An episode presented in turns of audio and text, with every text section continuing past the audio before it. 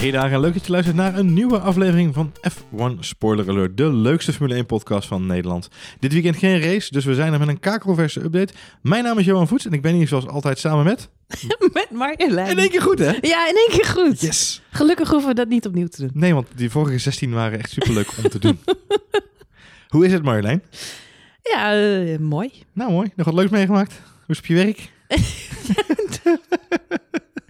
Nee? Het- Alles goed. Het, Alles is geen, het is altijd een rare week als er geen race is tegenwoordig. Ja, voelt een beetje als een leegte hè? Ja, voelt als leegte. ik kan er nog niet goed aan wennen. Het leven was zoveel makkelijker toen het gewoon... echt- Nee, En dan weet je een beetje waar je aan toe bent op Ja. donderdagavond. Nu is het toch, toch een beetje eh, scharrelen. Ja. Naar, eh, Moet je door, een beetje doorkruipen. Gelukkig werd er nog gevoetbald. Oh, dat dan weer wel, gelukkig. Ja. Hey, ehm, deze week geen race. eh, dat mogen dus duidelijk zijn. Eh, het leek me toch leuk om even terug te pakken, eh, als we naar het nieuws kijken van deze week, naar de situatie vorige week op het asfalt en daarbuiten. Wij hebben het gedoopt Ferrari Fight Club. Heeft dat nog een staartje gekregen? Nou, dat verhaal heeft zeker een staartje gekregen.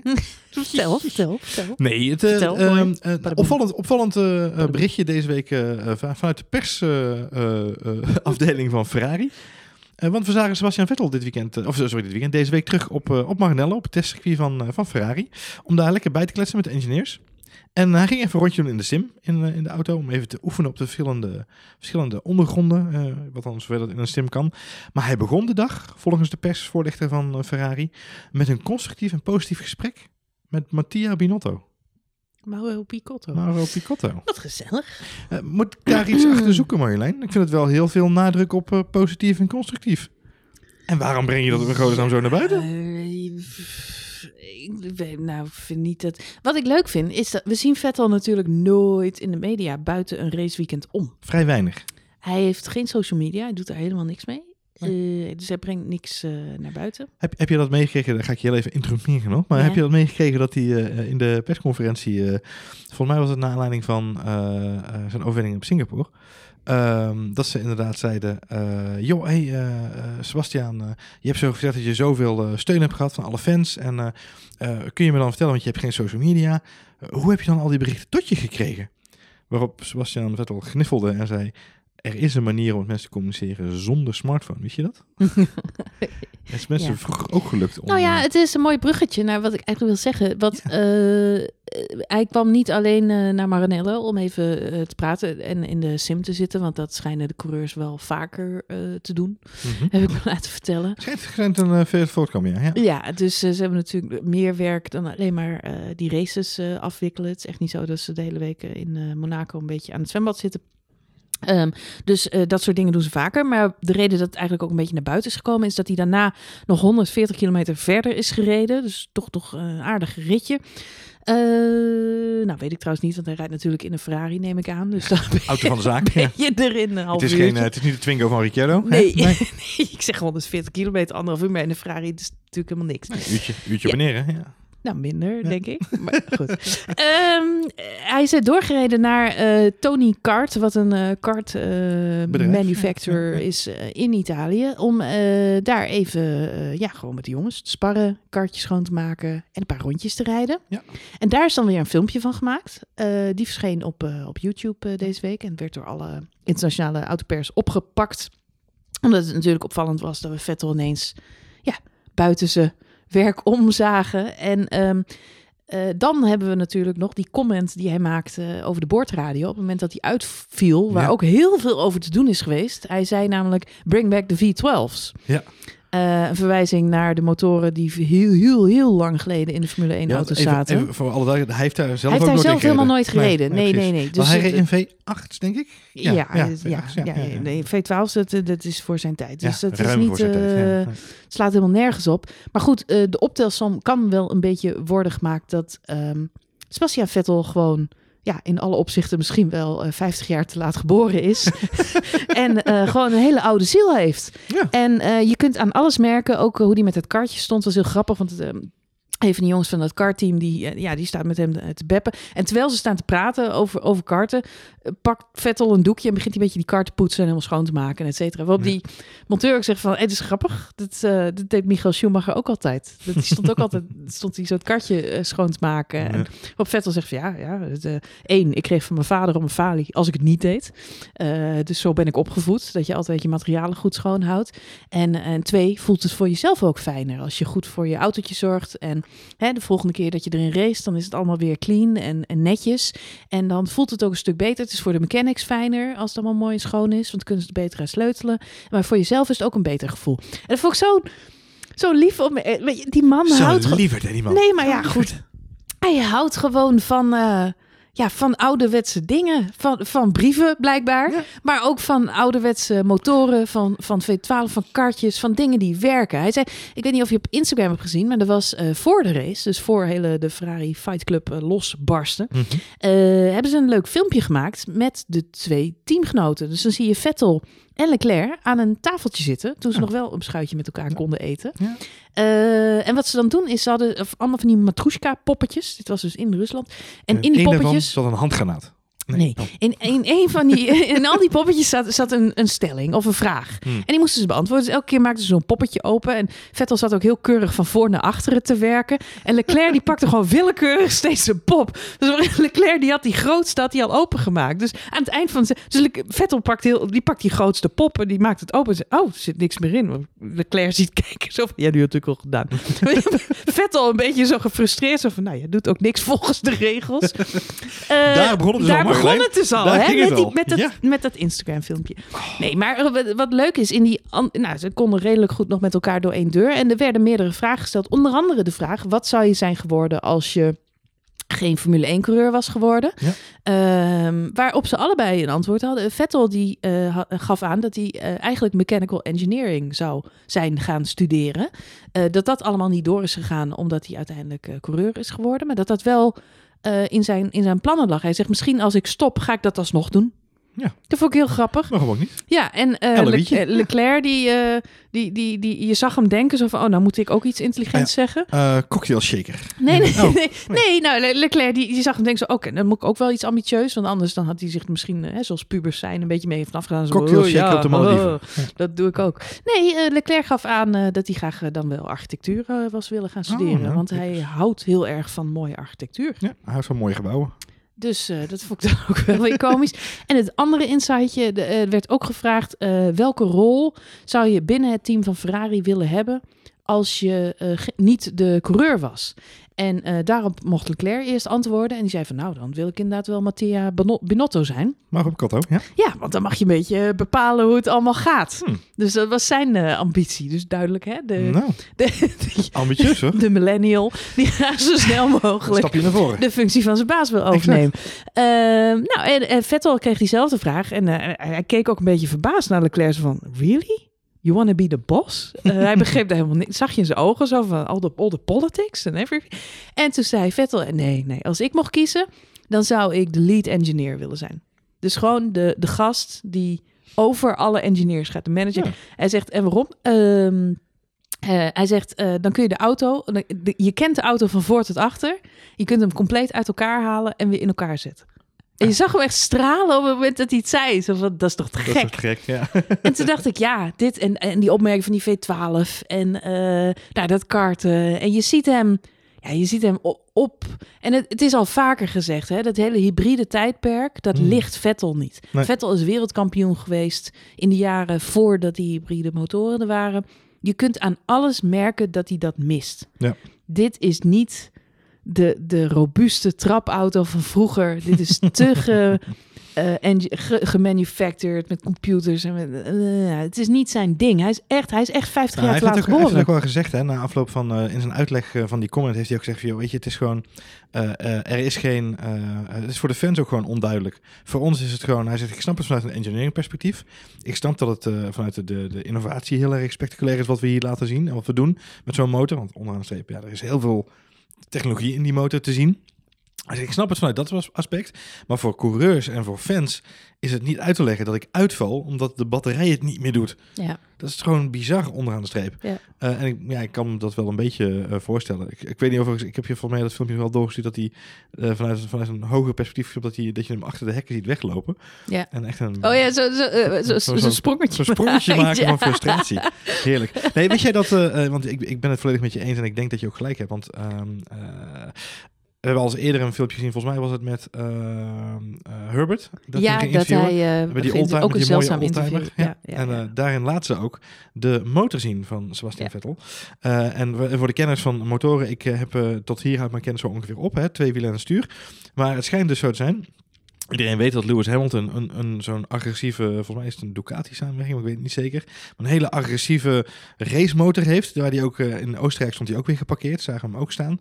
Eh, waar die mee, eh, mee rondtoert op verschillende plekken in, de- in de wereld. Echt een racemonster, zwart gespoten, mat zwart met allemaal accenten. Het ziet er heel agressief uit. Compensatiemotortje. Compensatiemotortje, ja, een, een pocket rocket zou je kunnen zeggen. Ehm, een penis met een versnellingspook. Nee, dat is niet waar. Ehm, maar Sebastian Vettel rijdt dus op een zogenaamde café racer. Oftewel een, zo'n ouderwetse jaren 50 motor. Oh, Als ik het zo een beetje mag samenvatten. Als ik Oh. mensen daarmee tegen de schenen schop, sorry. Maar dat is hoe ik hem even zo wilde samenvatten. Eh, maar daar schijnt hij dus op te, op te rijden inderdaad. En die onderhoudt hij ook helemaal zelf. Dus het is echt een... eh, Hij heeft trouwens zelf ook nog over de race gezegd. Hij zegt, ja, het lijkt nu, het gaat alle, allemaal over hè, de toestand na afloop met onze twee coureurs. Eh, maar hij had oprecht ontzettende balen van zijn uitvalbeurt. Hij zegt, want ik reed gewoon ontzettend goede race. En eh, ik had, eh, ja, ik was gewoon op weg naar een supermooie finish. Ja. En dat lag allemaal in duigen. Dus daar had hij echt Tuurlijk had stikbalen hij de van. balen van, ja. En ik, ik blijf zeggen, we hebben het eh, na, vorige, na de race eigenlijk in de vorige podcast uitgebreid over gehad. Eraan terugdenkend heb ik nog veel gedacht. Het sloeg toch ook helemaal, helemaal nergens op dat Ferrari überhaupt de deur openzette. dat een teamwissel in het beginstadium van die race nog een optie was. Het is sowieso raar dat ze er inderdaad naar ronde zes Vettel stoof er vandoor. Die lag vier seconden voor. Wat was er gebeurd? Als hij op de rem was gaan staan, dan had Hamilton ze allebei gepakt. Ja, joh, maar die analyses zijn al tot en met gemaakt. Ah, dus dat, ik daar hoeven we het al lang niet meer over te hebben. Ik blijf, ik blijf, en, en, ja, nou, het frustreert me omdat je overal leest... eh, Vettel eh, negeert teamorders. Dan denk ik, ja, maar hoela. Eh, als jij eh, een idiote opdracht van je baas krijgt... dan zou je hem ook negeren. Want het is gewoon bullshit. Ja, of, of niet, geval. Maar Toch? het- en, en, nou ja, ik snap hem wel. Dus dat, hij maar compromitteert, het, het zou de race gecompromitteerd hebben. Ja, dat, als hij eraan gehoor Wat we ook uitvoerig hebben gezegd in onze vorige podcast inderdaad, is het feit dat het inderdaad zijn, eh, dat hij daarmee de race hebben vergroot voor heel Ferrari onderaan de streep. Ehm, wel goed dat je dat nog even aanstipt, want deze week heeft, wie, wie kent het niet, Ross Brawn daar nog een opmerking over gemaakt. Hij noemt de situatie bij Ferrari op dit moment potentieel explosief. Dat klinkt heel, eh, heel gevaarlijk, vind ik altijd. Eh eh, Brown die heeft in de pers geroepen dat Binotto moet opletten dat hij de situatie wel goed, goed benadert, wat er allemaal aan de hand is met zijn coureurs. Want eh, ja, voor je weet gaat het helemaal mis tussen die twee. En hij heeft alle vertrouwen in Binotto, want ja, die is al zo lang bij Ferrari aan de slag. En die heeft al zoveel ervaring, die kan het vast wel goed afhandelen. Mijn, mijn frustratie in dit hele ding, ik heb het eerder deze week al getwitterd, is... Ik vind het eigenlijk helemaal... Ik weet niet of jij dat vindt, maar is het wel pluis dat die Braun Nee, natuurlijk niet. als oud. Ferrari-baas... En nu als... Nee. Braun is nu managing director van de Formule 1. Eh, Het zou ongeveer hetzelfde zijn als de voorzitter van de KNVB nu gaat zeggen... Nou, die Erik ten Hag... Ja, die Ja, maar dat doen ze wel. Dit is gewoon de oude generatie die de nieuwe generatie weer denkt te moeten corrigeren. Hmm. Dat zie je niet alleen in de Formule 1, dat zie je overal. Eh, en eh, dat is wat hier gebeurt. En eh, het, het is op zich wel logisch, want Ross Brawn is inderdaad uit het tijdperk Schumacher. En wat we ons allemaal nog kunnen herinneren van tijdperk Schumacher, is dat er natuurlijk een hele duidelijke nummer 1 en een hele duidelijke nummer 2 was. En eh, die associatie hebben we nog steeds met Ferrari. Eh, dit jaar zien we eigenlijk voor het eerst dat Ferrari met iets nieuws experimenteert. La- namelijk, we laten ze racen. Alleen daar worstelen ze heel erg mee, omdat ze nog het oude DNA hebben. Dus je hoort die, die engineers ook steeds struggelen. Van moeten we nou niet, wel of niet de call geven? Dit zegt ook iets over Italiaanse cultuur of managementstijlen. Maar ze zijn het zo gewend. Dit is ingesleten. Ze Dat- hebben altijd een nummer 1 en een nummer 2 gehad. Dus het, ja, dit is een raar seizoen. Maar ik ben heel benieuwd hoe dit in 2020... Het zou best kunnen dat ze dan hetzelfde kiezen als wat Mercedes nu doet. Nou, wat, wat, mij Let opvalt, them is- race. wat mij ook opvalt is dat, nou goed, dat doen ze natuurlijk nu al een beetje, let them race. En dat Ja, maar de vraag is, gaan ze dat in 2020 voortzetten? Het, eh, eh, wat ik verrassend jij zegt inderdaad terecht van de periode Schumacher was een hele duidelijke hiërarchie. In 1 en 2 waren er ook al akkefietjes, hè, zo af en toe hebben we het er wel eens over gehad, wat, wat er allemaal speelde in die periode. Eh, Binotto is al sinds 1995 bij Ferrari. Eh, is begonnen ooit als eh, ehm, eh, engineer voor de, voor de motor en later ook naar het team toe, is hij met het team meegegaan. En hij was in 2000, begin 2000, was hij rondom Schumacher, was hij een van de belangrijkste engineers in het team van Schumacher. Dus het, hij heeft daar natuurlijk aan de lijve meegemaakt hoe belangrijk het is dat je de juiste hiërarchie hebt staan in zo'n team. En dat hoeft niet per se te betekenen dat je per se een aangewezen 1 en 2 hoeft te hebben. Want die juiste hiërarchie betekent Nee, niet maar, eh, gestapeld, kan ook naast elkaar. Eh, nee, maar goed, alles wat eh, Formule 1 succesvol maakt, is dat je blijft innoveren. Dus jij denkt dat hij is gaan innoveren in managementstijl, omdat hij zijn eigen ervaring daartegen... Nou ja, ze- Nee, ja. Ja, ze moeten wel. Wat, wil, wat zou jij doen met een Vettel en een Leclerc? Nou, dat vind ik wel hetgene, en dat is ook wat Brown zegt, dat vind ik wel hetgene wat heel lastig is. Je hebt, je hebt een coureur die vier keer wereldkampioen geworden is en die bij tijd en wijle iedereen eh, nog steeds een, eh, op een rondje kan zetten als hij wil. Eh, en je hebt een ontzettend talent wat gewoon de afgelopen race laat zien hoe verschrikkelijk eh, goed hij kan zijn in die auto. Ja, het is natuurlijk ook super lastig, maar, maar dan is inderdaad de keuze het laatste racen. Nou ja, ik heb, ik heb, het vorige, ik heb de afgelopen race gezegd. Waar, waarom eh, kreeg Leclerc überhaupt het voordeel? Waarom is dat dan nu ineens besloten? Ja, nou ja, goed, dat, dat heeft denk ik ook te maken met het feit dat natuurlijk eh, het risico was van die toe dat hij hem zou overnemen.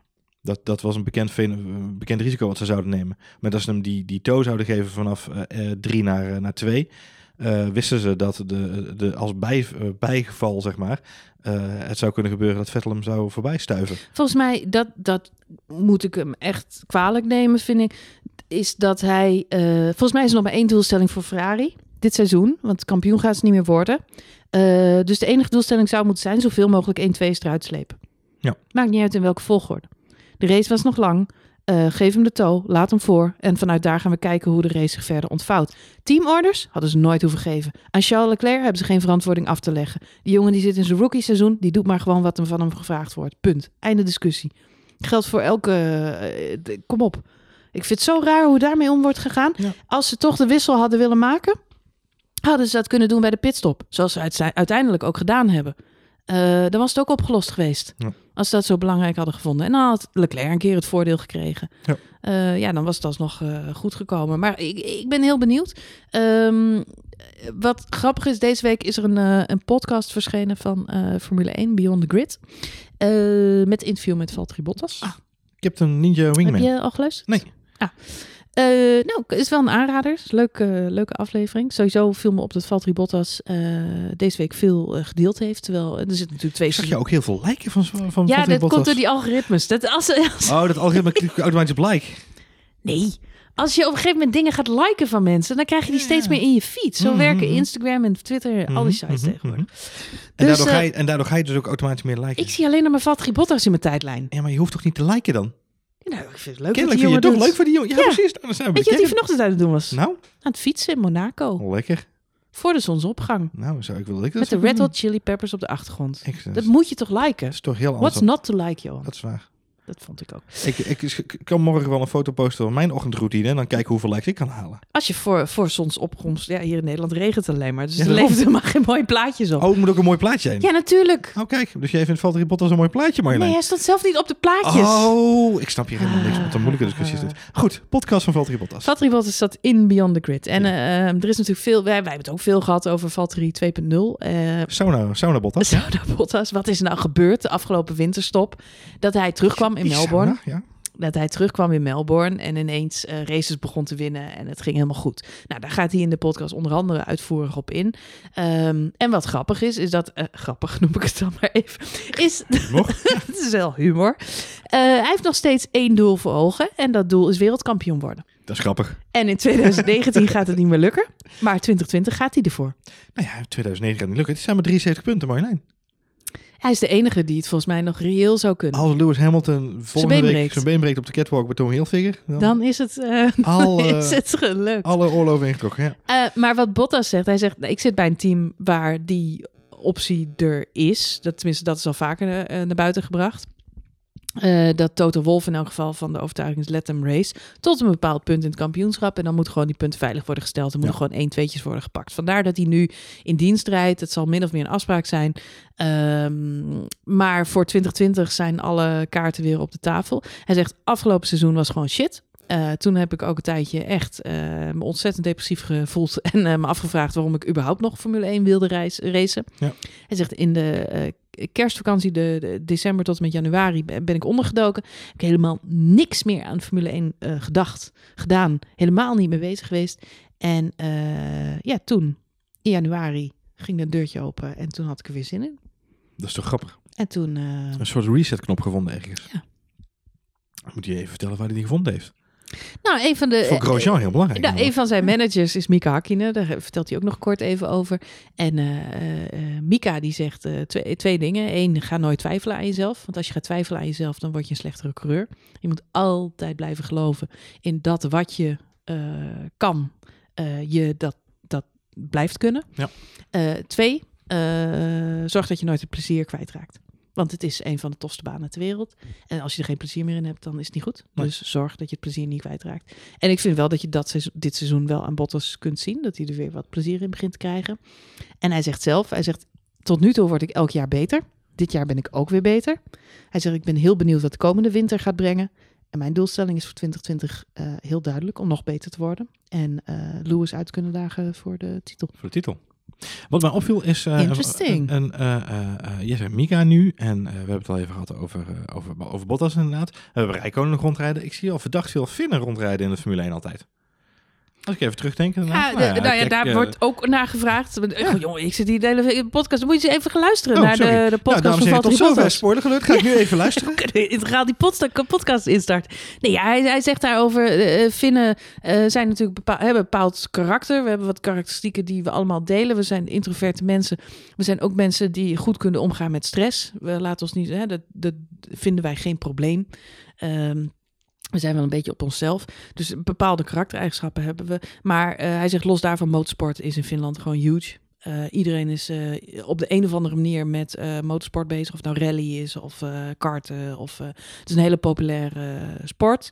Hij zegt ja, en we, we, we, we rijden zelf veel. We hebben gladde wegen, lange winters. Dus het, het, het driften en het gewoon eh, ja, rijden in moeilijke omstandigheden. Dat, eh, dat hebben, we, hebben we veel ervaring mee. Hij zegt maar goed, omdat motorsport zo populair is, is het niveau gewoon ook heel erg hoog. Dus ook als je als junior, hij is zelf op zijn zesde begonnen met karten. Eh, overigens komt daar het eh Porsche verhaal van, vandaan, hè, Ah. van Bottas. Oh. Want eh Lennon Norris heeft zijn milk. Ja, En, eh, eh, Bottas heeft. Porsche. Ja. Dat heeft te maken met het feit dat hij was vijf en hij wilde heel graag gaan karten. Eh, maar hij was te klein voor een kartje. Ja. Had hij even aan Jos moeten vragen. Voor dat een. Ja, precies. die zat met vier al in een kart. Maar toen heeft zijn opa tegen hem gezegd... "Ah, Valtteri, als jij nou de hele winter, elke ochtend... porridge eet voor je ontbijt... dan ben je na de winter groot genoeg om in kart te zitten. Nou, dat was ook zo. En ze zien eet hij nog steeds elke ochtend zijn porridge. Ja, Totdat hij 2,40 meter is en dan gaat het mis. Ja. Nee, hij gaf hij, eh, hij, hij- hij is wel groter geworden, zei hij. Eh, meer kracht. Hij zegt dus dat helpt natuurlijk ook. Maar ik vond het, was een leuk inkijkje. Ik kan het je aanraden. Het is leuk. eh, leuke anekdotes zitten erin over de sport. Niet alleen voor En, mij, maar ook voor alle luisteraars. ja. Beyond the bij Grid. deze de promotie voor een andere Ja, podcast. waarom ook niet, hè? Ontkent ons in het podcastwereldje. Precies. Hey, leuk bruggetje van eh, eh, eh, een land heel dicht bij de Noordpool naar misschien wel de pool die het meest zuidelijke op de ranking staat van alle races op dit moment. Robert Kubica, Jezus. is die is weg. Leuk bruggetje. Ja, zo'n hele lange... Heeft u de podcast bingo kaart weer bij de hand? Deze staat niet in het draaiboek. Nee, deze dat, eh, nee, maar goed. Eh, we gaan naar een sponsor van Robert Kubica in dit geval. Eh, PKN Orlen. volgens mij ergens ook deze week bekend geworden. Zij willen graag even van Claire Williams weten waarom die auto van, van Kubica werd geparkeerd afgelopen weekend in Rusland. Ja, terecht. ja, Het kost gewoon dat kost centen. media exposure dit. Dat kost duur. Ja, Wat, wat niet dat Kubica zo heel erg veel in beeld is. Maar als hij wordt ingehaald, dan hebben zij toch weer even die ene seconde. Die achtervleugel in beeld. Precies. Ja, nou, dat nou, en belangrijkste. vertegenwoordigt gewoon geld. Ik denk dat, ik denk dat alle Formule 1-coureurs... Het is de meest geziene achtervleugel van, van de grid op dit moment. Mhm. Ehm, nee, goed. Even voor de mensen die het een beetje gemist hebben. Robert Kubica vorige week eh, eh, in Rusland op plek 16. En dat had niks te maken met zijn eh, uitstekende kwaliteiten, maar vooral met de uitvallers die we hadden op dat moment. Ehm, eh, zijn collega George Russell parkeerde de auto in de muur, waarop Kubica een ronde of twee, drie later ook naar binnen werd gehaald. De mededeling van Williams was daarbij, dat deden we om onderdelen te sparen. Uh, nou, zijn sponsor heeft zich nu afgevraagd uh, uh, waarom die auto daar inderdaad werd neergezet. Of het inderdaad echt is om onderdelen te sparen. En het schijnt dat er in het contractje wat Orlen heeft samen met Williams nog iets staat van een ja, bepaalde zichtbaarheidsclausule. Dus dat is even de reden waarom ze eventjes wilden checken hoe of wat. Ja, nou, wat zullen Ja. we dan zeggen?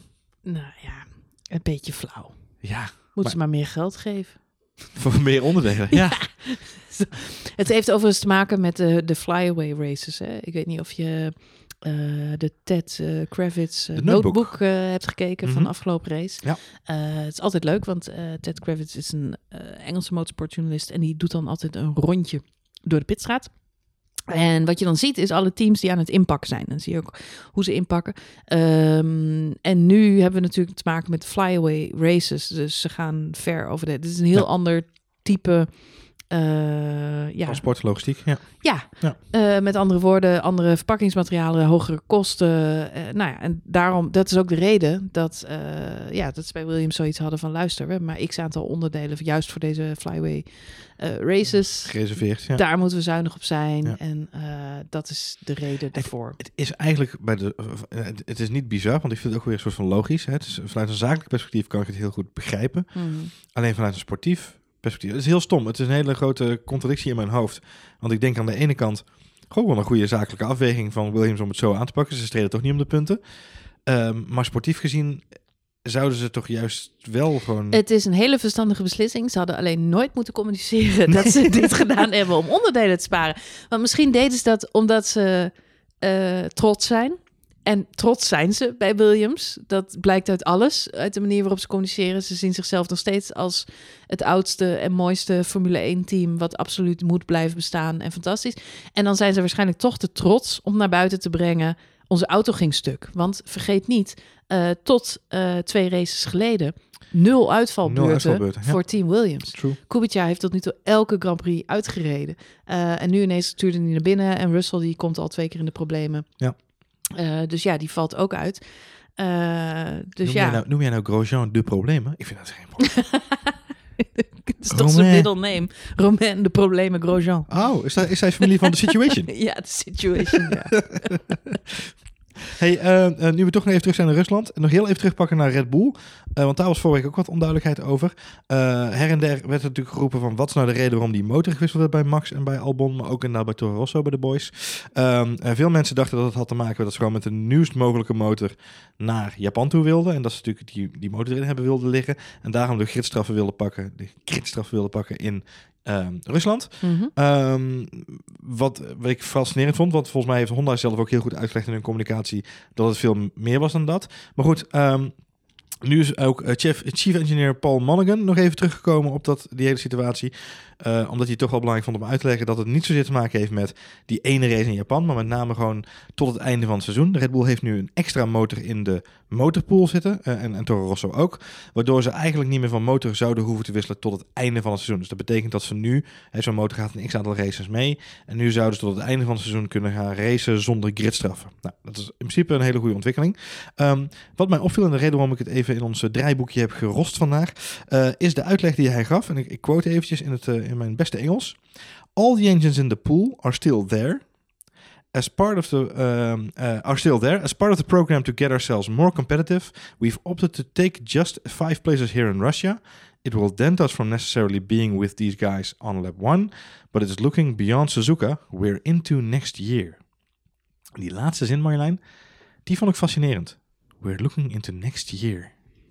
Ja, nou ja, dat moet ook wel, want het gaat niet zo goed hè, bij Red Bull. Maar waarom zouden ze dan nu al die straf pakken? Want het is, ik, ik snapte het niet. Het is een spec 4. Ze- Ze zetten daadwerkelijk een spec 4 motor en een spec 4. Het zijn dezelfde motoren. Dus er is geen verandering geweest.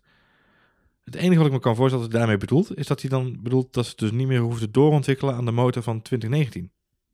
Dat is wat die verkapt zegt, lijkt me dan. Ja, want ze hebben gewoon een extra reservemotortje. Ze Nu. kunnen nu volledig over naar 2020. Ja. Dat is denk ik dan wat ze daar Ja, bedoelen. ja. Nou, dat lijkt me volgens mij broodnodig. Eh en niet alleen eh, wij dachten dat, want we hebben natuurlijk al in onze vorige uitzending eh, uitvoering gehad over de problemen bij Red Bull. We hebben onze zorgen geuit. Onze zorgen. En een dag later deed, deed Jos Verstappen dat ja, ook die bij... luistert eh, altijd naar deze podcast. Daarvoor- trouwe luisteraar. daarvoor dank Jos. En die dacht, Marjolein en Johan hebben gelijk. Het wordt nu tijd om met die vuist op tafel te slaan, op te komen voor mijn zoon. Nee, geen. Ah, of, ja, ofwel. Wie weet Marjolein, Ja, wie weet. nee, wij, wij, wij- ja, Jos ziet natuurlijk hetzelfde wat, wat de kritische Max Verstappen-fan ook al ziet. En dat is dat het niet overhoudt dit seizoen. We hebben twee overwinningen. Eh, eh, ja, we zeiden het vorige keer ook al, die toch wel een beetje eh, samenhingen met een beetje mazzel. In Oostenrijk was het heet en in Hockenheim was het nat.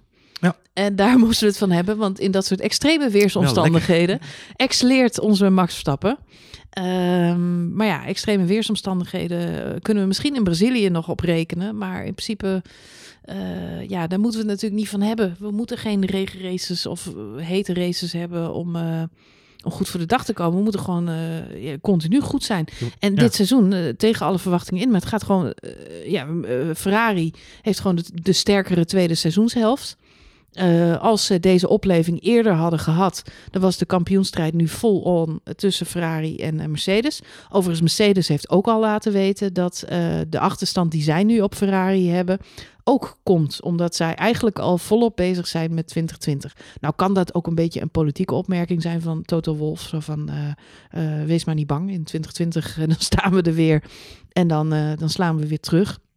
Ook zij hebben natuurlijk hun trots. Ja. Net zoals Williams, ze willen niet naar buiten toe eh, verkondigen dat ze gewoon een beetje achter de feiten aanlopen op dit moment. Dus op deze manier, verkapt, eh, maakt hij duidelijk dat dat een reden heeft. Maar ja, het is wel opvallend natuurlijk dat, dat ja, we, we, eh, ik, van Mercedes en Ferrari, die staan er gewoon weer goed voor. Ja. De Honda op dit moment staat echt nog mijlen ver achter. Dus ze kunnen wel aangeven, we zijn met 2020 bezig.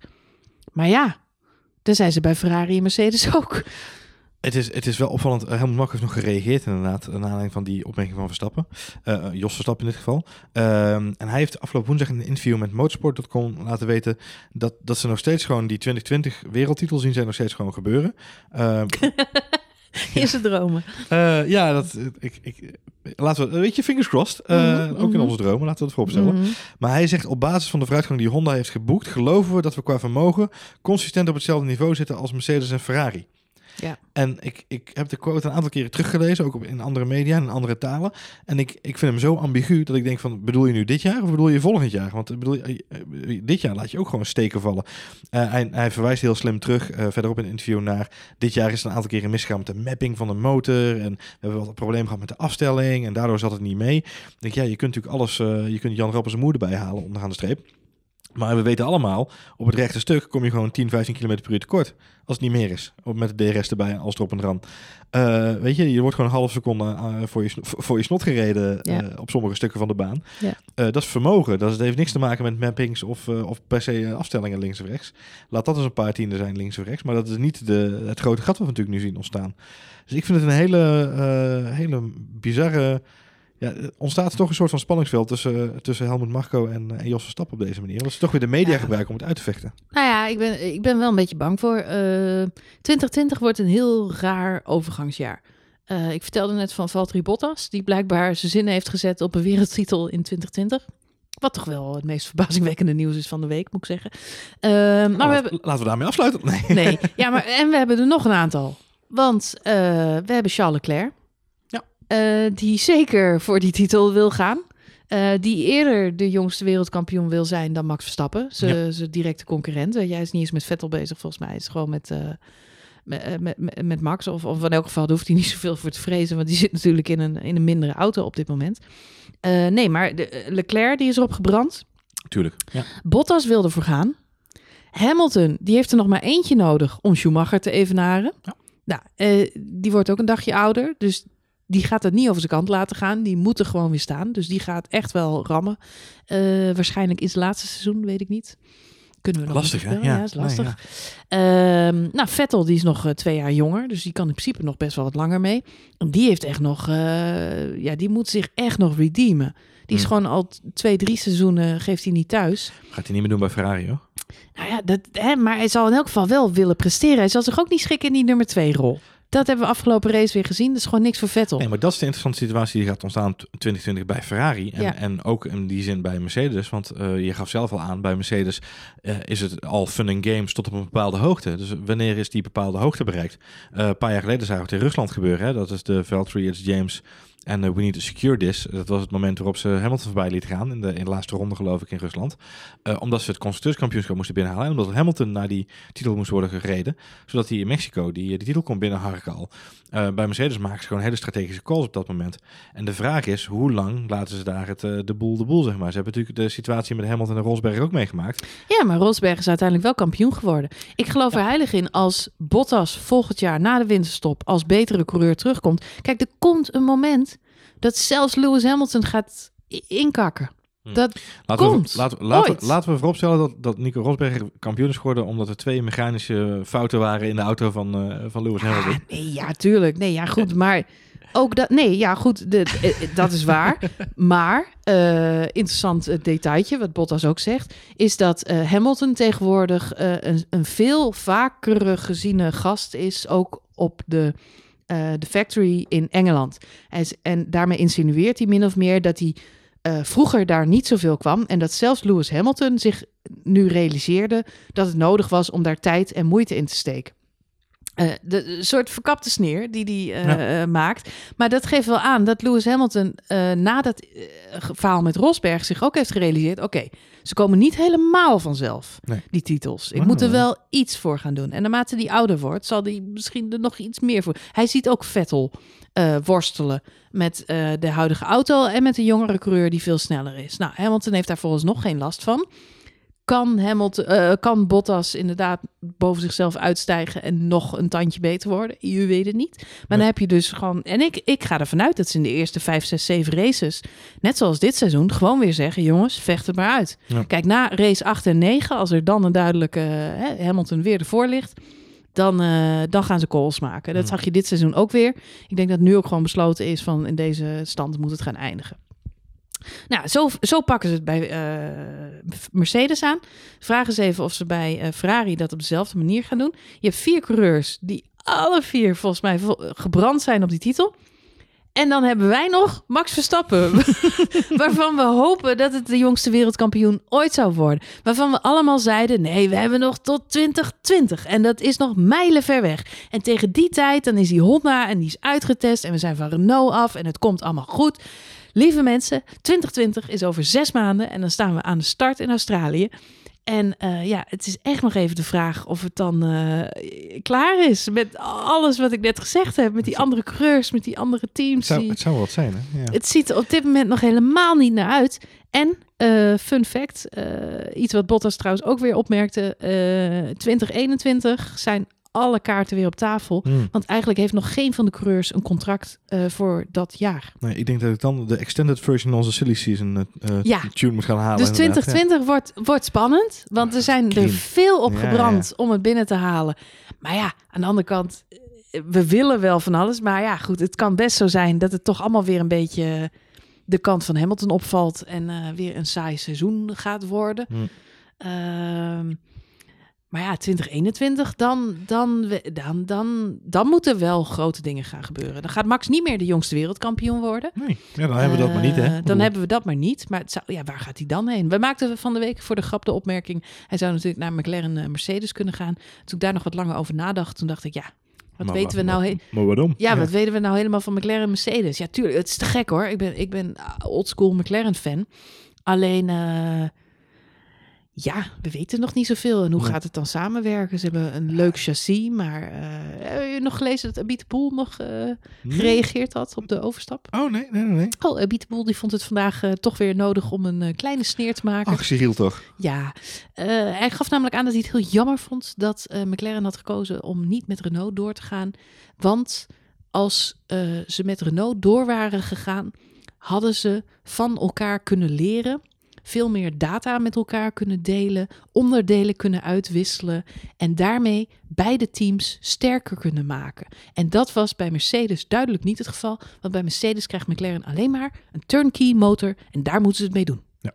Met andere woorden, bij Renault hadden ze veel meer gekregen. Hadden ze met Cyril mogen appen. Ja, ik dacht serieus, heb je wel gezien de stand in het wereldkampioenschap op dit moment? Heb je, heb je enigszins...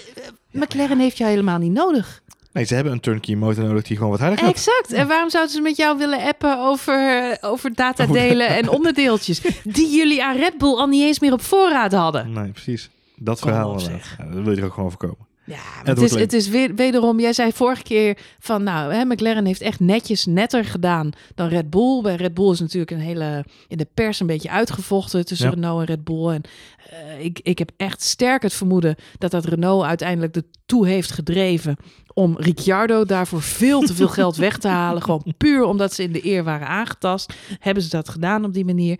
Eh, McLaren heeft het anders gedaan. Die hebben gewoon gezegd, hey, fijn samengewerkt. Eh, onze deal zit erop. Drie jaar is voorbij. En na die drie jaar gaan we iets anders doen. Toedeledokie. Dat En toch- Houden we hem bedankt. Ja, houden we bedankt. En toch vindt Cyril Abiteboel het nodig om er nog even weer een heisa van te maken. Ja. Zo van, nou, ik snap het echt niet. Ik vind het echt eh, raar. Ja, Maar misschien als Cyril ook wel een contract heeft met Netflix. Je weet het niet. Ja, het is wel weer Zou stellers zomaar maken. kunnen. Zou kunnen. maken.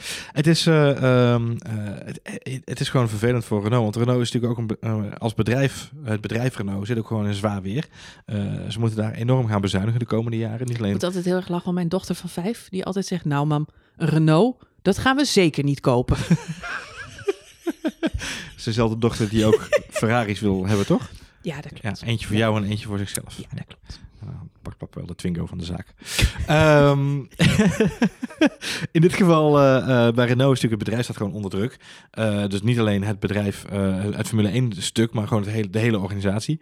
En en de, de kosten zullen daar alleen maar verder naar beneden moeten worden geduwd. Zeker aangezien ze een hele dure coureur hebben zitten nu. Dus ik verwacht inderdaad, zeker volgend jaar, eh, McLaren zal daar heus nog wel last van gaan krijgen in 2020. Eh, dat ze toch, want ze rijdt natuurlijk nog volgend jaar met die Renault Ja, motor. ja. En ik vermoed de discussies Komen over onderdelen wel of niet aanwezig, of wel of geen specmotor doorduwen naar de volgende versie. Dat gaat allemaal gebeuren volgend jaar. Ik denk dat alle politieke spelletjes weer op tafel komen vanuit, eh, vanuit Renault, om die kosten toch zo laag jammer mogelijk te zijn, houden. want dan zien we McLaren toch weer inzakken. Ja, wie weet. Of juist niet. Eh, afhankelijk van de, de winst die ze kunnen behalen met, eh, met hun chassis natuurlijk eh, en, en hun aerodynamica. Laten we het hopen, want ik vind het nog steeds een goede zet om naar Mercedes te switchen. Maar ik hoop niet dat 2020 dan een verloren jaar wordt. Dat, dat geldt voor een hoop mensen. Dat, dat, hele hoop mensen maken zich een beetje bang dat 2020 natuurlijk echt een overbruggingsjaar wordt. En dat zou zonde zijn voor, voor iedereen die de sport een warm hart toedraagt. Nou, zeker omdat ze zo lekker op dreef zijn. Maar ik denk, ik weet nog niet of dat dan ehm, ja, de plek is waar Max naartoe zou moeten. Je hoopt natuurlijk op eh, de wederopstanding van dat team. Eh, maar op dit moment zou ik hem nog steeds adviseren om gewoon bij Mercedes te tekenen. eh, in plaats van Lewis Hamilton. Misschien heeft hij dat al wel gedaan. Dat zijn de geruchten. Hè? Dat Dus, zijn de geruchten, ja. Je ze moeten geloven. 2021, Marjolein. Wat dan in ieder geval geen optie is voor eh, Max Verstappen. Is het Het lijkt team- heel ver weg, maar het is er zo hoor. Wat er geen optie is van de, voor Max Verstappen is Campos Racing Team. Nee, laten we dat maar niet doen. Hey, eh, leuk. eh, eh, deze donderdag kwam er nog een berichtje de wereld in dat er een nieuw Spaans team de Formule 1 in zou Terwijl ik komen een slokje neem van mijn Spaans biertje. Ja, dat is een goed idee. Het is Mexicaans, maar dat terzijde. Oh, je hebt gelijk. Het is allemaal marketing, toch? Of ja, niet? is allemaal marketing. Het wordt allemaal gemaakt in Rotterdam. Ehm, eh, het Spaanse eh, Campos Racing Team, wat nu eh, via de F2 en F3, of F3 en F2 omhoog zou willen stoten naar de Formule 1 in 2021. Coureurs zouden al getekend zijn en er zouden ook al mensen vanuit Braun GP en vanuit Super Aguri van voorheen, Peter McCool, Pieter McCool, sorry moet ik dan zeggen, en Ben Wood zijn aan boord. En Pascal Wehrlein en Alex Palau, een Spaanse coureur, zouden zijn getekend. En eh, de talks were there. Ze zouden al bijna rond zijn met Formule 1. Totdat wij, eh, nou, eh, vanavond, net voordat we de opnames begonnen, Vijf minuten voordat we begonnen met opnemen. Ping! een berichtje van de, het Formule 1 Media Center in onze Appje, inbox. hè? We zijn op app-basis. Ja, dit was Chase zelf, toch? Ja. Ja, precies. ja, ja. Het berichtje kwam binnen dat Formule 1 wilde benadrukken dat ze alle geruchten hebben gehoord, maar dat ze ontkennen dat er serieuze gesprekken plaatsvinden rondom nieuwe teams in 2021. Dus, potentieel Formule 1 team, wat hebt u nu geleerd? Nooit zomaar een persberichtje tikken. Nooit zomaar een persberichtje de deur uit Dat moet je niet doen. Dat, is, Nee. dat is niet handig. Nee, het is eh, raar. Het eh, zou best kunnen dat Beetje ze de- serieuze plannen hebben, maar dan moeten ze zich wel eerst eh, keurig aanmelden natuurlijk. Ik denk dat ze de social media stagiair van Rich Energy hebben overgenomen. Dat denk ik ook. Ja. Die hebben ze ingehuurd om een persbericht te maken. Dit noemen ze in vaktermen een PR-fuck-up. Ja, nou ja, goed. Het is, wel, het is wel opvallend. We hebben het er al in een eerdere podcast over gehad dat 2021 nieuwe teams wordt vaak geroepen, maar er is nog heel erg weinig echt concrete interesse. Heeft natuurlijk alles te maken met, eh, eh, met kostenplaatjes en, eh, en ook de, de, de hele steile aanloop die je hebt om er überhaupt een echt een team omheen te bouwen. Er is nog heel veel onduidelijk. Ik, ik weet ook niet of we, er, of- we er echt blij van moeten worden als we dadelijk inderdaad ineens 30 auto's op die kist staan. Maar dat is een andere discusussie. De regels voor 2021 zijn ook nog steeds niet duidelijk.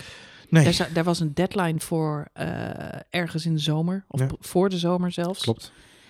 Daar zijn ze nog steeds niet over uit. Nee. Daar wordt nog steeds over gedebatteerd. Klopt. Dus eh, het zou zomaar een soort brexit kunnen zijn. Leuk. Dat die gewoon nog een jaartje wordt uitgesteld. Ja, het zou helemaal wat zijn inderdaad. Ja, Dat zou wat zijn. dat zou het zijn. Hè? Nou, dat zou het Nou. zijn. Nou, die, die optie wordt steeds reëler. Sinds, eh, ik wou net zeggen, sinds brexit is alles mogelijk in de wereld. Dus, eh, ja, het is wel iets om in de gaten te houden. Ik vind, de, de, eh, ik vind het sowieso interessant inderdaad om te kijken wat zijn de gevolgen. Het is heel goed om eens even uit te pluizen inderdaad. Wat zou er gebeuren als ze niet voor het begin van het seizoen 2020 al uitsluitsel hebben over die regels? Ik zal, je kunt volgens mij, er is een online agenda met alle strategy meetings, eh, die kun je gewoon inzien wanneer de, de teams bij elkaar komen en de strategie, eh, dit soort dingen bespreken met elkaar. Ik zal eens even kijken hoeveel er nog gepland staan tot het einde van het jaar. Want ze zullen toch een keer die knoop moeten doorhakken. over de backdoor, ja, daar moeten ze echt een keer een keuze De maken. backdoor, ja. Scherp. Goed, Thank you. Nou, eh, volgens mij eh, zijn we een beetje door het nieuws van deze week heen. Er was ze natuurlijk kunnen een ook gewoon alle meetings opschorten. Oh, leuk. Iedereen naar huis sturen. Ja, zoals het Britse parlement bedoel je? Nee. Ja, leuk. Ja, ik hoor het al. Jij zit echt een parallel... eh, hè? Je bedenkt ze waar ze bij staan. Volgens mij zijn we door het nieuws heen mogen. Er was natuurlijk een hele hoop andere, kleiner en groter nieuws. Maar volgens mij hebben we de grootste headlines van deze week wel eens een beetje te pakken. Mhm. Volgende week zijn we er weer met een eh, nieuwe update. Dan kijken we natuurlijk vooruit naar de race in Ja, Japan? Suzuka. Leuk, hè? Ik heb er wel zin aan. Ja, De race in eh, Japan. ja, het is eigenlijk de enige race waarvoor we nog vroeg moeten opstaan, toch? Eh, ja, zeker. Ja. Dat is toch ook gek? Vroeger stond je zo vaak op midden in de nacht. Ja, Ja, ja. Sowieso Lukraak bedoel je, of voor de races? nee, ja, voor de races. Ik besef me ineens dat het, dat is echt helemaal weg. Ja, dat hebben ze toch een beetje glad getrokken hè, met z'n allen. Dat deed ik vroeger. Ik moet wel zeggen dat eh, als je zelf het ouder wordt, is het ook wel fijn dat het niet meer zo is.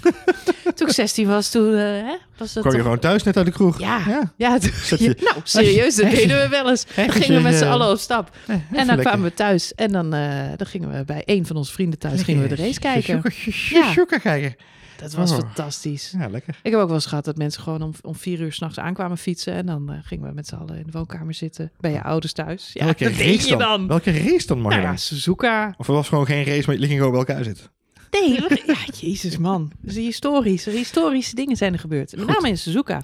Suzuka is van oudsher altijd een race die eh, aan het einde van het seizoen zit. Hij is zelfs heel lang eh, de laatste race van het seizoen geweest. Vandaar dat daar ook heel vaak eh, de wereldkampioen eigenlijk besloten werd. Als het echt een spannend seizoen was geweest, dan werd daar pas bekend wie de titel pakte.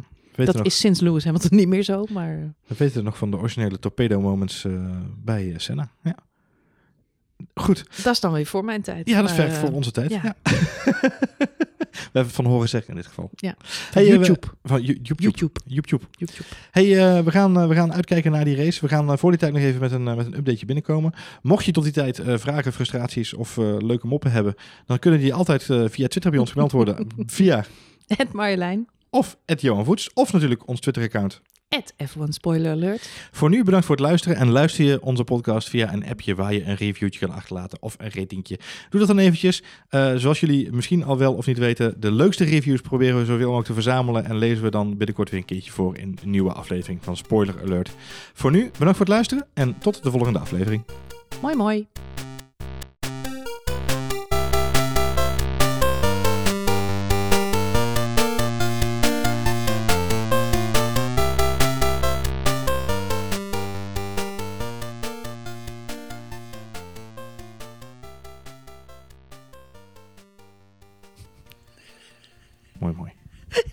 In Finland. Oké.